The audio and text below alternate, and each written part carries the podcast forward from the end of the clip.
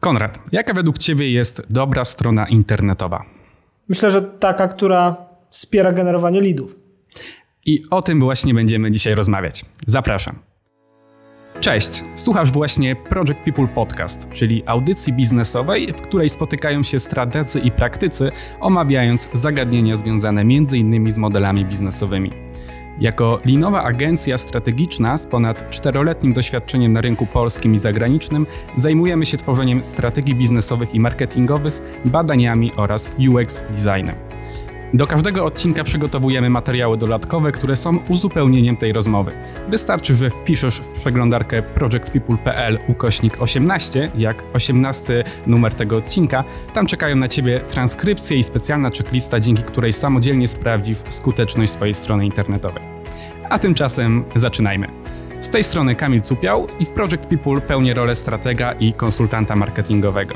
E, dzisiaj w naszym wirtualnym studio mam zaszczyt gościć Konrada Ulińskiego, Marketing and Product Development Directora w firmie SKK. Cześć Konrad.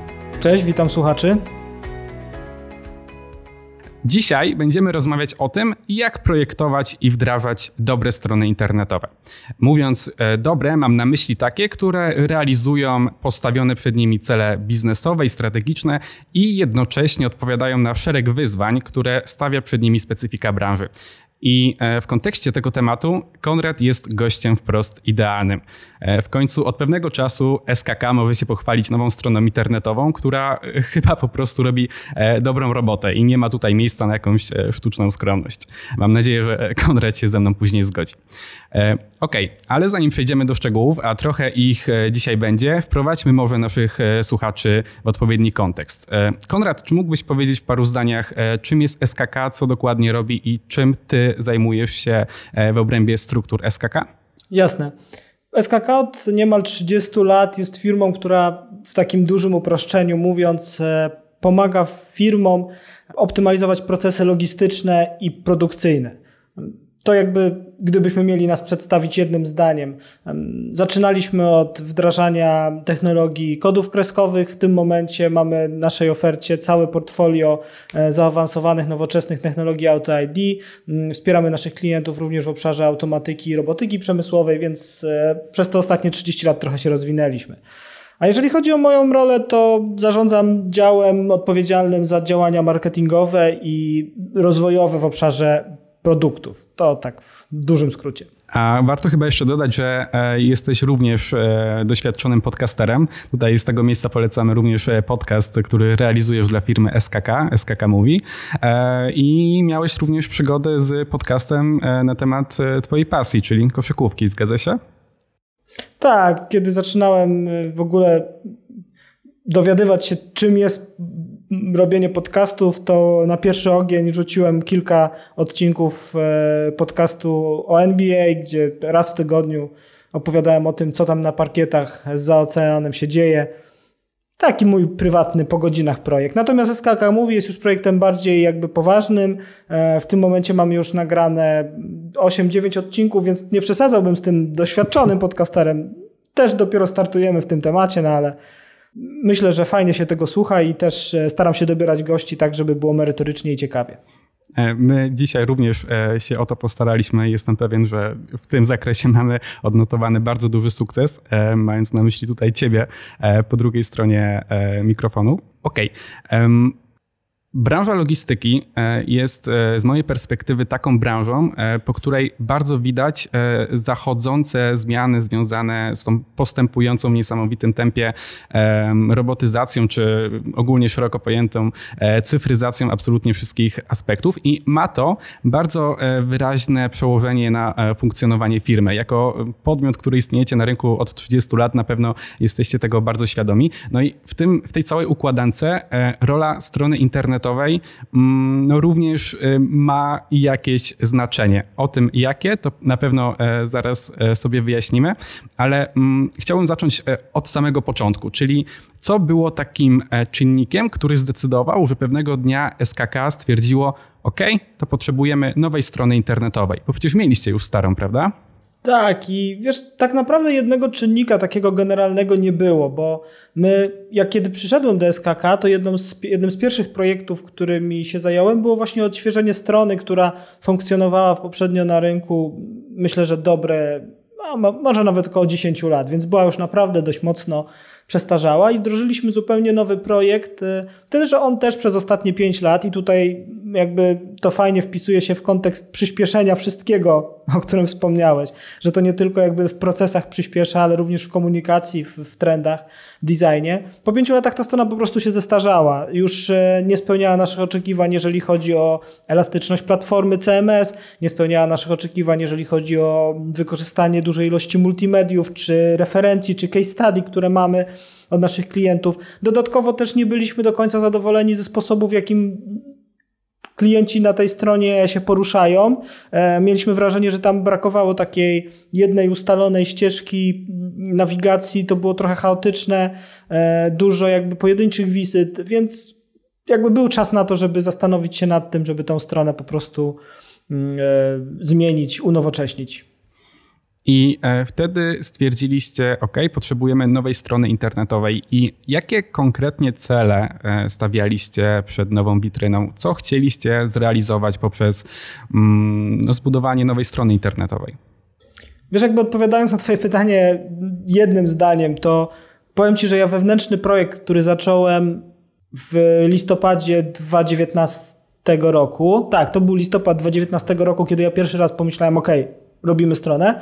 Ten projekt wewnętrzny nazywałem Maszyna do Lidów. I jakby chyba to jest wszystko, co odpowiada na Twoje pytanie. Chcieliśmy, żeby przede wszystkim ta strona miała jedyny cel tej strony to było wesprzeć nas w generowaniu e, lidów B2B, a wszystko inne, czyli przejrzysta struktura, wykorzystanie multimediów, dobry, elastyczny CMS, to było tylko i wyłącznie cele do zrealizowania tego jednego, znaczy środki do zrealizowania tego jednego celu.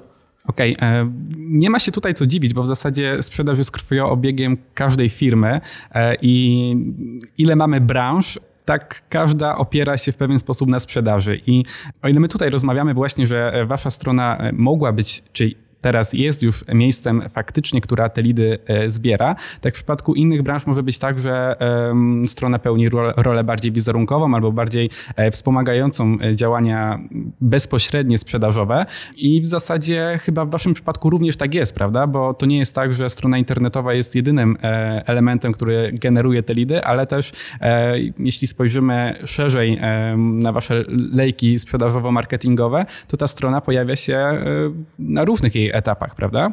Tak, oczywiście. Ona jest jednym z punktów styku w procesie sprzedażowym. Tyle, że jakby ja jestem też pragmatykiem i może nawet przez to, że praktycznie całą moją karierę marketingową jestem skupiony na branżach B2B, ale takich naprawdę w sensie, mm, nie wiem, pracowałem dla firm telekomunikacyjnych, ale jakby nie z punktu widzenia klienta końcowego, tylko właśnie infrastruktury. Pracowałem y, dla firm z branży healthcare. Teraz od wielu lat współpracujemy z liderami logistyki czy produkcji. Więc jakby dla mnie ten aspekt wizerunkowy jest oczywiście ważny. Ja nigdy o nim nie zapominam. Natomiast to jest tylko i wyłącznie jeden z celów po drodze, na której końcu jest, jest lead, jest y, interakcja z klientem. Jakby nie może być, może inaczej. Wyznaję zasadę, w której dobra komunikacja z klientem jest również komunikacją taką opartą na dobrym designie, na nowoczesnym designie. Ale jakby nowoczesny, dobry design bez e, finalnej konwersji na lead jest nic nie warty dla mnie. Mm, to, co mówisz, e, tworzy w mojej głowie obraz e, bardzo złożonego i holistycznego projektu, bo w pewien sposób, może nawet nie w pewien sposób, tylko tak jest, że e, strona internetowa jest po prostu wizytówką firmy w internecie. Jest takim handlowcem, który wiesz, nigdy nie śpi, 24 na dobę, 365 dni w roku on jest aktywny i swoją rolę powinien wypełniać. I zdaje się, kiedy patrzę na ten proces, który zrealizowaliśmy wspólnie, Project People z SKK, E, że e, podeszliśmy do tego e, z obu stron bardzo, bardzo poważnie. I chciałbym teraz porozmawiać o tym procesie, bo efekt finalny, czyli e, stronę internetową możemy już podziwiać na domenie skk.pl, gdzie serdecznie e, naszych słuchaczy zapraszam, żeby mogli podziwiać to, co udało się wspólnie wytworzyć. Natomiast droga była dość długa i intensywna. I jakbyś mógł opowiedzieć, jak z Twojej perspektywy wyglądał początek takiej współpracy i co było celem wypracowania, co chcieliśmy wypracować na tym pierwszym etapie? Może zanim powiem o tym, jak rozpocząłem współpracę z Wami, to tak, żeby uświadomić e, naszym słuchaczom. Być może jakby są tego świadomi, to może nie chcę tutaj wchodzić w buty jakiegoś e, mędrca, który wie wszystko, ale od momentu, w którym zapadła decyzja, że tak, chcemy mieć nową stronę internetową i tak jak wspominałem wcześniej, to była okolice listopada 2019, do momentu, w którym odbyło się pierwsze spotkanie, już nie jakby takie sprzedażowe, ale pierwszy warsztat z Wami, gdzie uruchomiliśmy projekt, to minęło 5 miesięcy. W tym czasie od, my po pierwsze, oczywiście, co jest oczywiste w naszej, e, jakby w takiej sferze biznesowej, określaliśmy sobie budżet tego projektu, to jest oczywiste, ale ja w ogóle zacząłem myślenie o stronie nad tym, żeby sobie rozpisać, rozpisać sobie jakby ścieżki nawigacyjne, poziomy komunikacji z klientem na, na stronie. E, określiłem sobie, gdzieś tam rozpisałem sobie na tablicy u nas w pokoju mm, cele na każdym etapie co klient powinien osiągnąć na, na, na stronie, od, od, wychodząc od jakby tam zapoznania się z produktem, przez zapoznanie, czyli, czyli co, y, dla kogo, w jakim celu i kto. Na, I na koniec jakby interakcja. Zawsze gdzieś na koniec te ścieżki prowadziły do formularza kontaktowego albo do, do, do, do naszego adresu e-mail, bo nasza strona konwertuje nie tylko na formularz, tylko, y, ale również na call page'a czy na, na, na po prostu wysłanie e-maila do nas. I to było jakby pierwsza rzecz. Potem e, przygotowałem e, brief, który już rozsyłałem do, do, do firm, z którymi zdecydowałem się e, spotkać jako, jako potencjalni wykonawcy, z potencjalnymi wykonawcami. Mój zespół cały czas w tym, w tym momencie mnie wspierał i zasilał różnego rodzaju inspiracjami i to były naprawdę inspiracje od sasa do lasa, jak to się mówi, bo my szukaliśmy i na stronach Apple, i na stronach Tesli, na stronach Google'a, ale również na takich typowych stronach B2B przemysłowych i staraliśmy się wyciągnąć z każdej z tych e, stron rzeczy, które są e, fajne, które są interesujące, ale przede wszystkim, które mogą nam posłużyć, czy możemy zaprezentować wybranemu, wybranej firmie, z którą chcemy współpracować, jako jakby cel właśnie do, do realizacji konwersji. No i potem jakby zaczynałem się spotykać z poszczególnymi firmami i nie ukrywam, że y, Beata i Joanna, z którymi spotkałem się jako z przedstawicielami Project People, e, przede wszystkim jakby ujęły mnie tym, że brief, który przygotowałem, który włożyliśmy razem z moim zespołem mnóstwo pracy, poznały na wylot i naprawdę były bardzo dobrze przygotowane merytorycznie. Po drugie, zrozumiały, że dla mnie wdrożenie tego tej, tej strony to jest przede wszystkim e, przygotowanie dobrego UX-a, że projekt graficzny to jest coś wtórnego. W ogóle na tym etapie nie chcę o tym rozmawiać. Bardzo, bardzo dużo agencji, które przychodziło do mnie, jakby od razu opowiadali mi o rzeczach związanych z, z designem i tak dalej, a ten UX, ja jakby próbowałem im rzucać koła ratunkowe, żeby mi opowiedzieli trochę więcej o tym, jak, jak podchodzą do UX-a, ale większość z tych, z tych firm bardzo, bardzo traktowała to tak poważnie na zasadzie, no ich oczywiście tak, ale tutaj jest projekt. A mi jakby w ogóle nie myślałem o projekcie graficznym na tym etapie.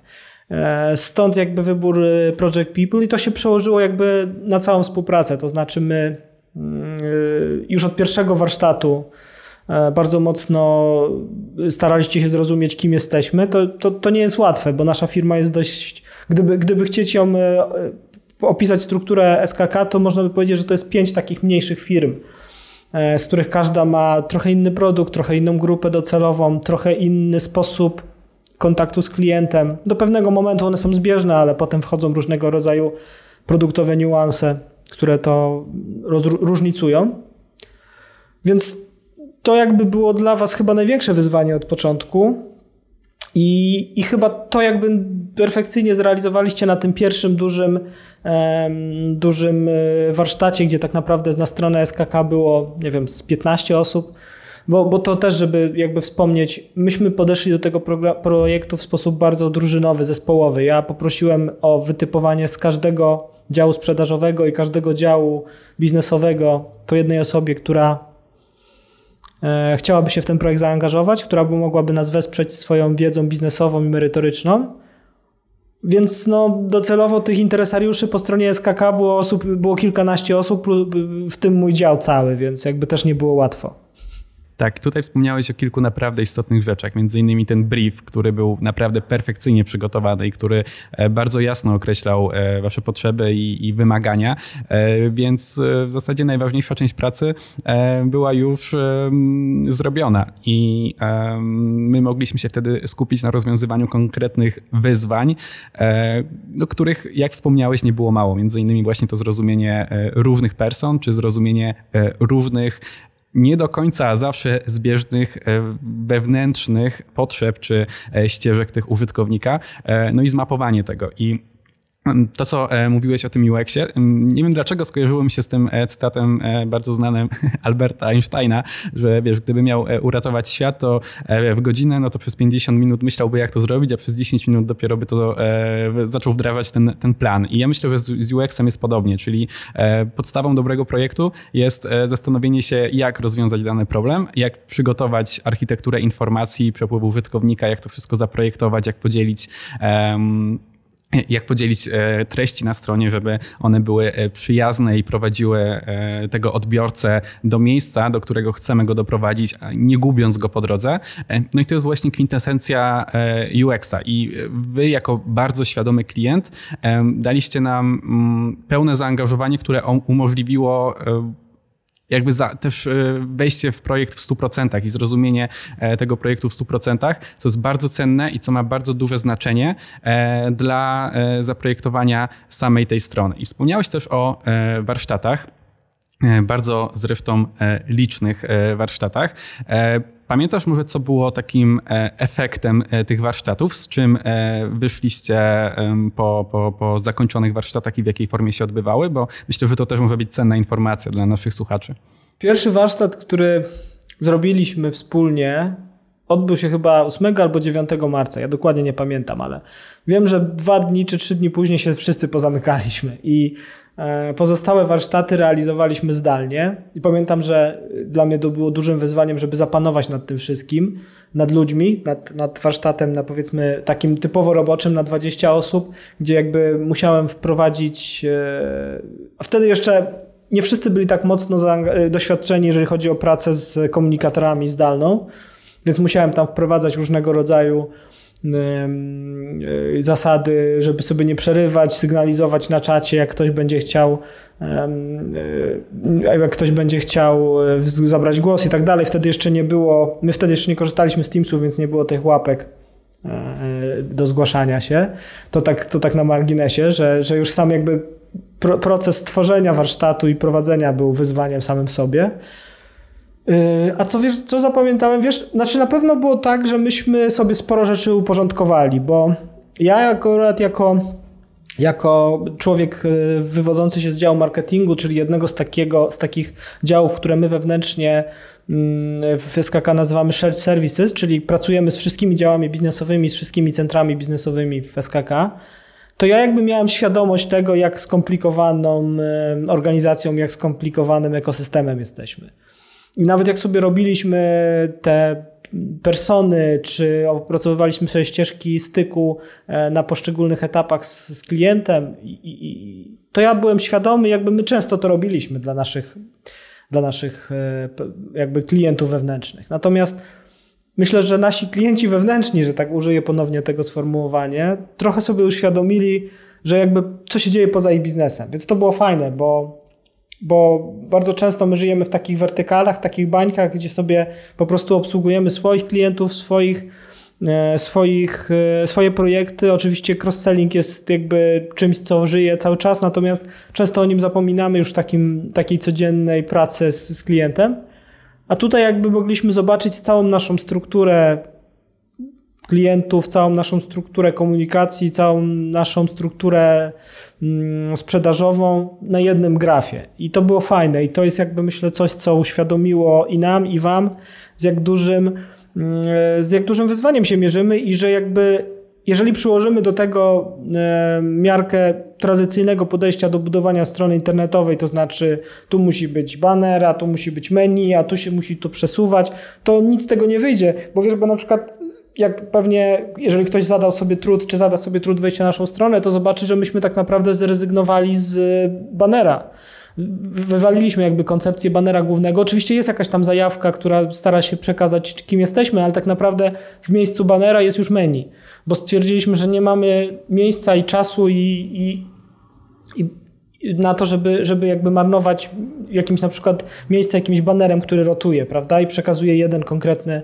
konkretną treść. I to, to są jakby rzeczy, które wyszły nam już w trakcie tych pierwszych warsztatów. To nam uświadomiło, że musimy do tego podejść trochę bardziej indywidualnie, nie robić sztampy, nie robić od, od, od jakiegoś tam wzorca, tylko no kurczę, żeby, żeby ogarnąć te, to, co się jakby sprzedażowo i produktowo dzieje w SKK, no to wymaga bardzo dużego zrozumienia. Jakby to wszystko, te, warsztaty uświadomiły to zarówno nam, jak i pewnie wam. Dokładnie tak. I e, ten banner jest ciekawym przykładem, bo e, faktycznie pomysł wyrzucenia go e, narodził się na warsztatach. Natomiast wtedy to była hipoteza, że on nie działa. I co ciekawe, ta hipoteza została e, zwalidowana dzięki kolejnemu etapowi prac nad stroną internetową, czyli e, analizą zastanych danych. Jako firma mieliście już stronę internetową z e, fajnie skonfigurowaną analityką, e, która umożliwiła zarówno ilościową, jak i jakościową analizę ruchu na stronie. I na przykład kojarzę e, kojarzę tak, taką rekomendację, jak właśnie rezygnacja z tego baneru, związaną z tym, że jak się okazało na e, mapach e, ciepła, które pokazują w jaki sposób użytkownicy wchodzą w interakcję ze stroną, okazało się, że baner jest całkowicie ignorowanym elementem tej strony, natomiast zabiera miejsce, które można wykorzystać lepiej, e, właśnie kierując użytkownika tam, gdzie skierować go chcemy. I e, może właśnie zatrzymajmy się na chwilę na etapie e, tej analizy e, danych zastanych. Czy było coś, co może cię zszokowało, kiedy otrzymałeś taki raport związany z tym, co na dotychczasowej stronie nie działa do końca dobrze, albo może zdziwiło cię coś, co wbrew twoim oczekiwaniom, oczekiwaniom działało? Na pewno właśnie ten banner, o którym mówisz, bo on jakby od jakiegoś czasu trochę mi się nie podobał, że się tak wyrażę kolokwialnie, ale nie dlatego, że był wizualnie brzydki, tylko wiesz, my jesteśmy firmą, która ma kilka, no to, to znów to w tej rozmowie powtarzam po raz kolejny, mamy kilka e, rodzin produktowych i dla części naszych klientów jesteśmy kojarzeni z drukarnią etykiet, e, czy część naszych klientów kojarzy nas z drukarnią etykiet specjalizowanych, Część naszych klientów kojarzy nas e, z mm, firmą, w której załatwia się, czy, czy która dostarcza duże ilości e, w ramach dużych projektów sprzętu do automatycznej identyfikacji, a jeszcze inni kojarzą nas z firmą, która robi soft e, dla, dla logistyki i produkcji, a jeszcze część z, z firmą, która robi roboty i automatykę przemysłową. No i teraz Banner rotuje z jakąś tam częstotliwością. Ktoś, kto szuka na naszej stronie etykiet, wchodzi na stronę i widzi na przykład zajawkę softu. E, I widzi to jako, jed, jako jedną z największych rzeczy na stronie, bo ten banner zajmował pewnie z 70% pierwszego ekranu. I jakby to mi się nie podobało jakby funkcjonalnie w nim. A co do statystyk, wracając do twojego pytania, no to tak, na pewno to, że on nie działał, że on nie generował aż tak dużo klików, jakby można było się, się e, spodziewać. Może nie zeszokowało, ale wasza analiza też jakby potwierdziła to, co ja wiedziałem, czyli, czy, że, że nie mamy jakby jednej takiej ustalonej, fajnej ścieżki, nie mamy żadnego wzorca poruszania się po naszej stronie. Tak naprawdę to jest dość chaotyczne.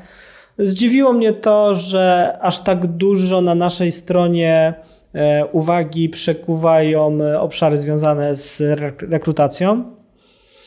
No, to chyba takie, takie, takie trzy rzeczy. Nie spodziewałem się właśnie, że ta rekrutacja będzie chyba naj, najbardziej odwiedzaną stroną e, na naszym, na naszym portalu.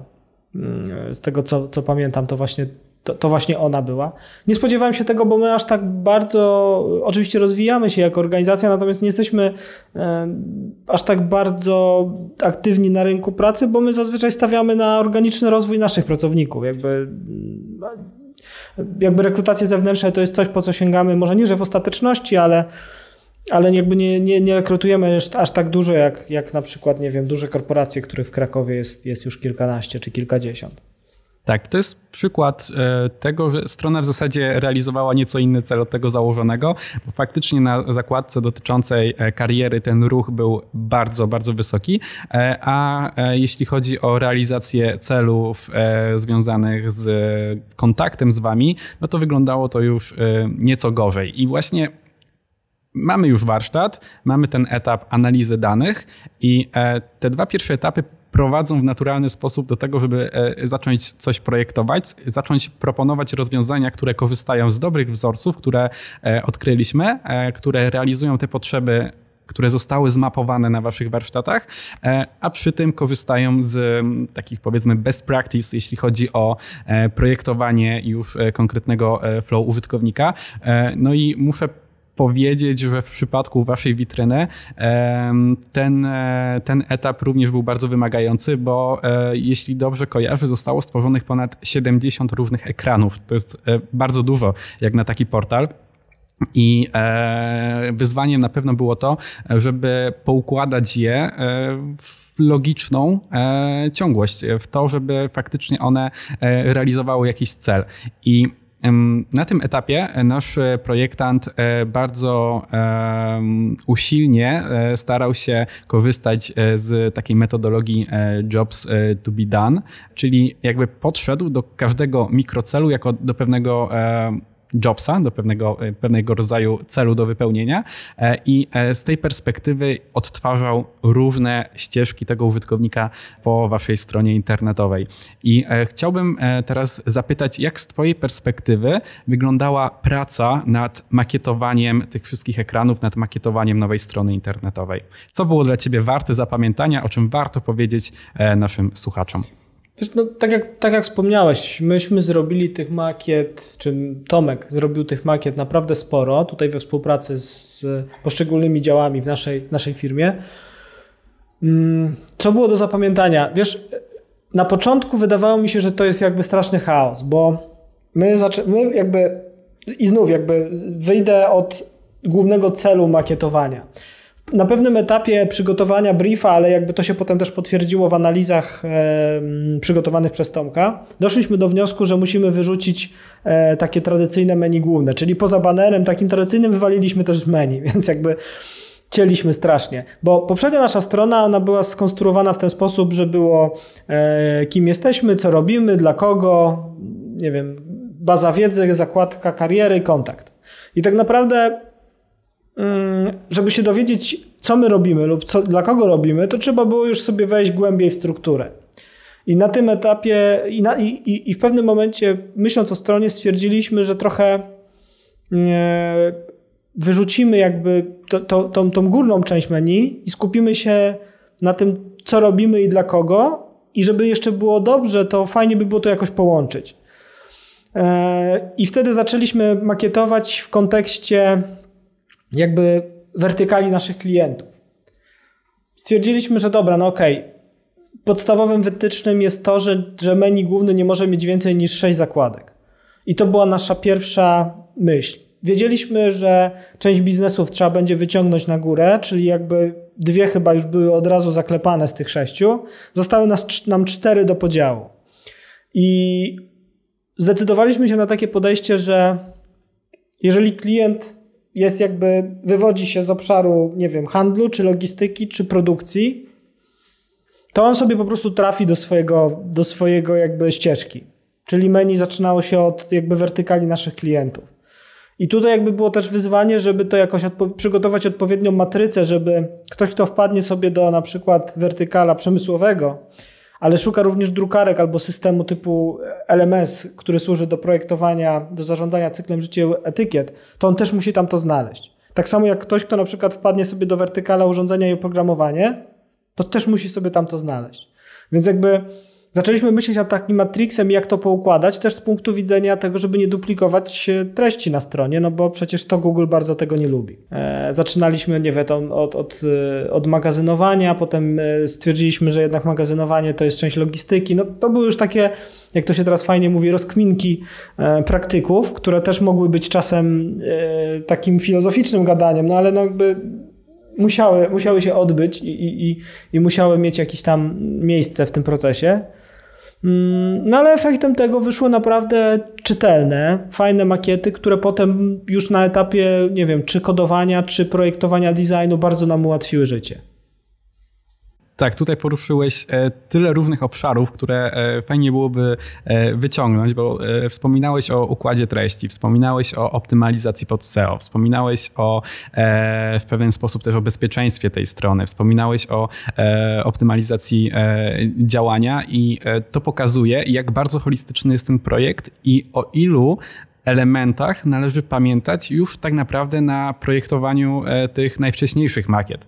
Więc e, super, super, że e, to też wychodzi nam przy takiej retrospektywie projektu, którą właśnie przeprowadzamy. I ja bym chciał jeszcze o jedno zapytać, a mianowicie o iteracyjność tego projektu, bo to też jest coś, czego e, wielu ludzi się dopiero uczy, e, a mianowicie takiej współpracy ciągłej, takiej współpracy linowej, na, e, zwinnej, na którą my w Project People bardzo staramy się kłaść nacisk, czyli wiesz, projektujemy coś i od razu prosimy klienta o feedback po to, żeby nie zaprojektować czegoś błędnego albo czegoś, czego klient nie potrzebuje, żeby uniknąć wszelkich nieporozumień, które, no, umówmy się, zdarzają się. Im bardziej skomplikowany i holistyczny projekt, tym więcej jest e, ryzyka związanego e, z takimi niedomówieniami i, i, i nieporozumieniami. Natomiast to też e, wymaga fajnego podejścia, którym wy jako klient się wykazaliście i takim zaangażowaniem i to, co mówisz o tym osobnym dokumencie z linkowaniem do Figmy, no super. I to, że każdy ekran mógł liczyć na wasz feedback, no to to to, to, to było gwarantem tak naprawdę wspólnego sukcesu z mojej perspektywy. Nie wiem, czy się zgodzisz ze mną. Tak, wiesz, jakby ja. Yy, my, jako organizacja, pracując z naszymi klientami, robiąc yy, na przykład soft czy, czy projektując maszyny, też pracujemy z nimi właśnie tak, w taki sposób zwinny.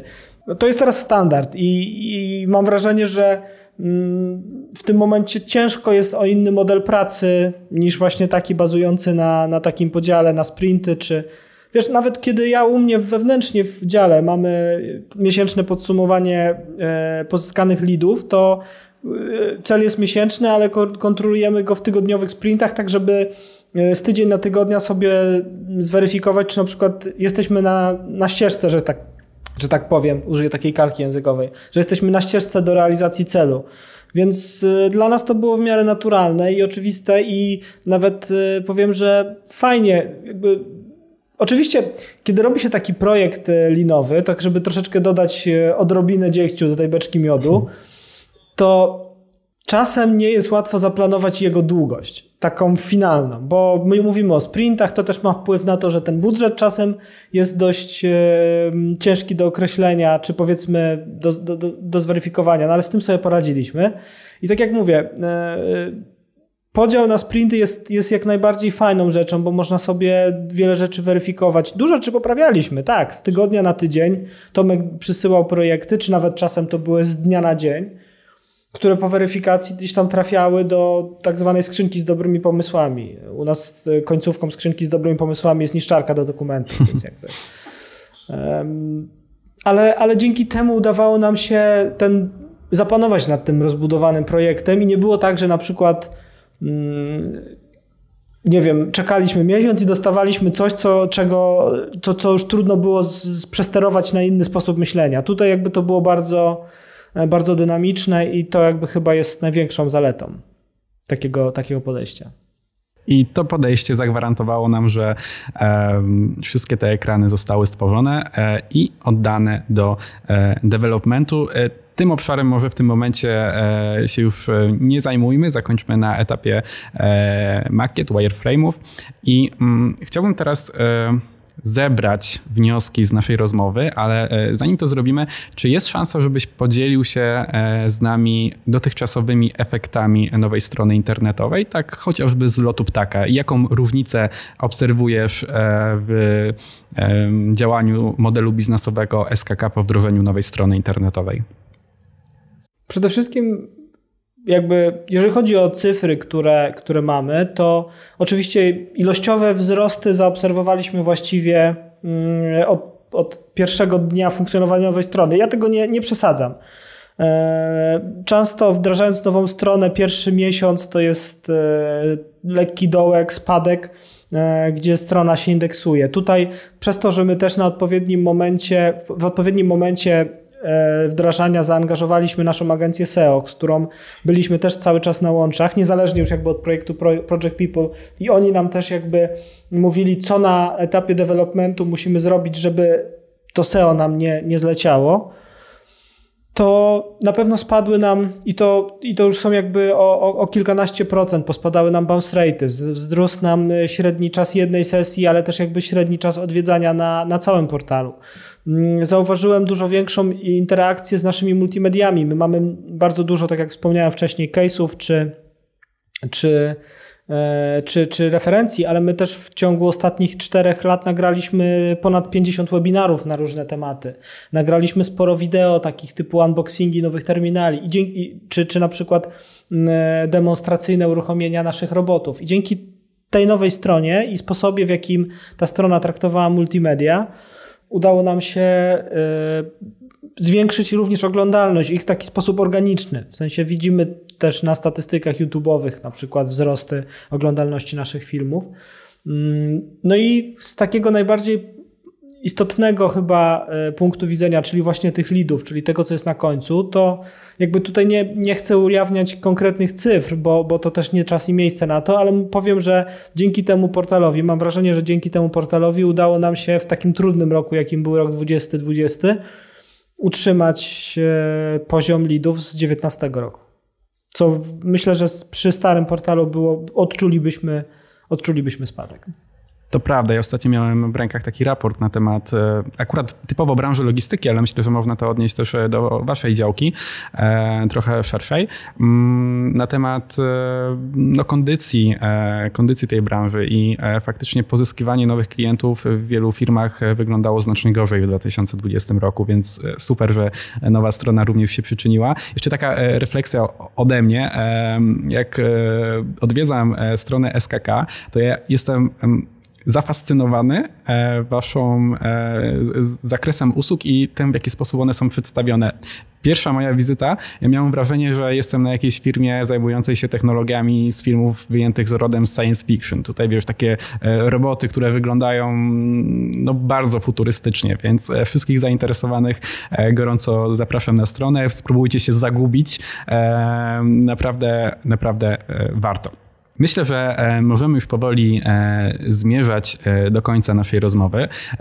W ramach szybkiego podsumowania Chciałbym polecić e, wszystkim naszym e, słuchaczom raz jeszcze wizytę na stronie projectpeople.pl ukośnik 18, jak 18 numer dzisiejszego odcinka, gdzie znajdziecie czekającą na Was checklistę e, do samodzielnego przeprowadzenia audytu waszej strony internetowej. Ta checklista zawiera szczegółowe informacje na temat tych elementów, o których rozmawialiśmy z Konradem i możecie po prostu sobie krok po kroku przejść przez te elementy i zastanowić się, jaka jest ich kondycja w przypadku waszej strony. E, zastanowicie się nad jakością kontentu, układem, layoutem, bezpieczeństwem, optymalizacją, e, szybkością działania i tym wszystkim, o czym musicie pamiętać, jeśli chcecie, żeby wasza strona internetowa sprzedawała, generowała lidy lub spełniała inne cele biznesowe czy e, strategiczne. W takim razie e, raz jeszcze wszystkim e, bardzo serdecznie dziękuję. Tobie Konrad dziękuję za bardzo inspirującą rozmowę i za poświęcony nam tutaj dzisiaj czas. Wszystkim słuchaczom dziękuję za wysłuchanie podcastu dzisiejszego odcinka do końca. Raz jeszcze zapraszam wszystkich serdecznie na stronę projectpeople.pl/18, gdzie znajdziecie transkrypcję naszego dzisiejszego odcinka oraz specjalną checklistę, a także wszystkie linki do miejsc, o których rozmawialiśmy dzisiaj z Konradem. Dziękuję wielkie i do usłyszenia przy okazji następnych odcinków Project People Podcast. Ja również dziękuję.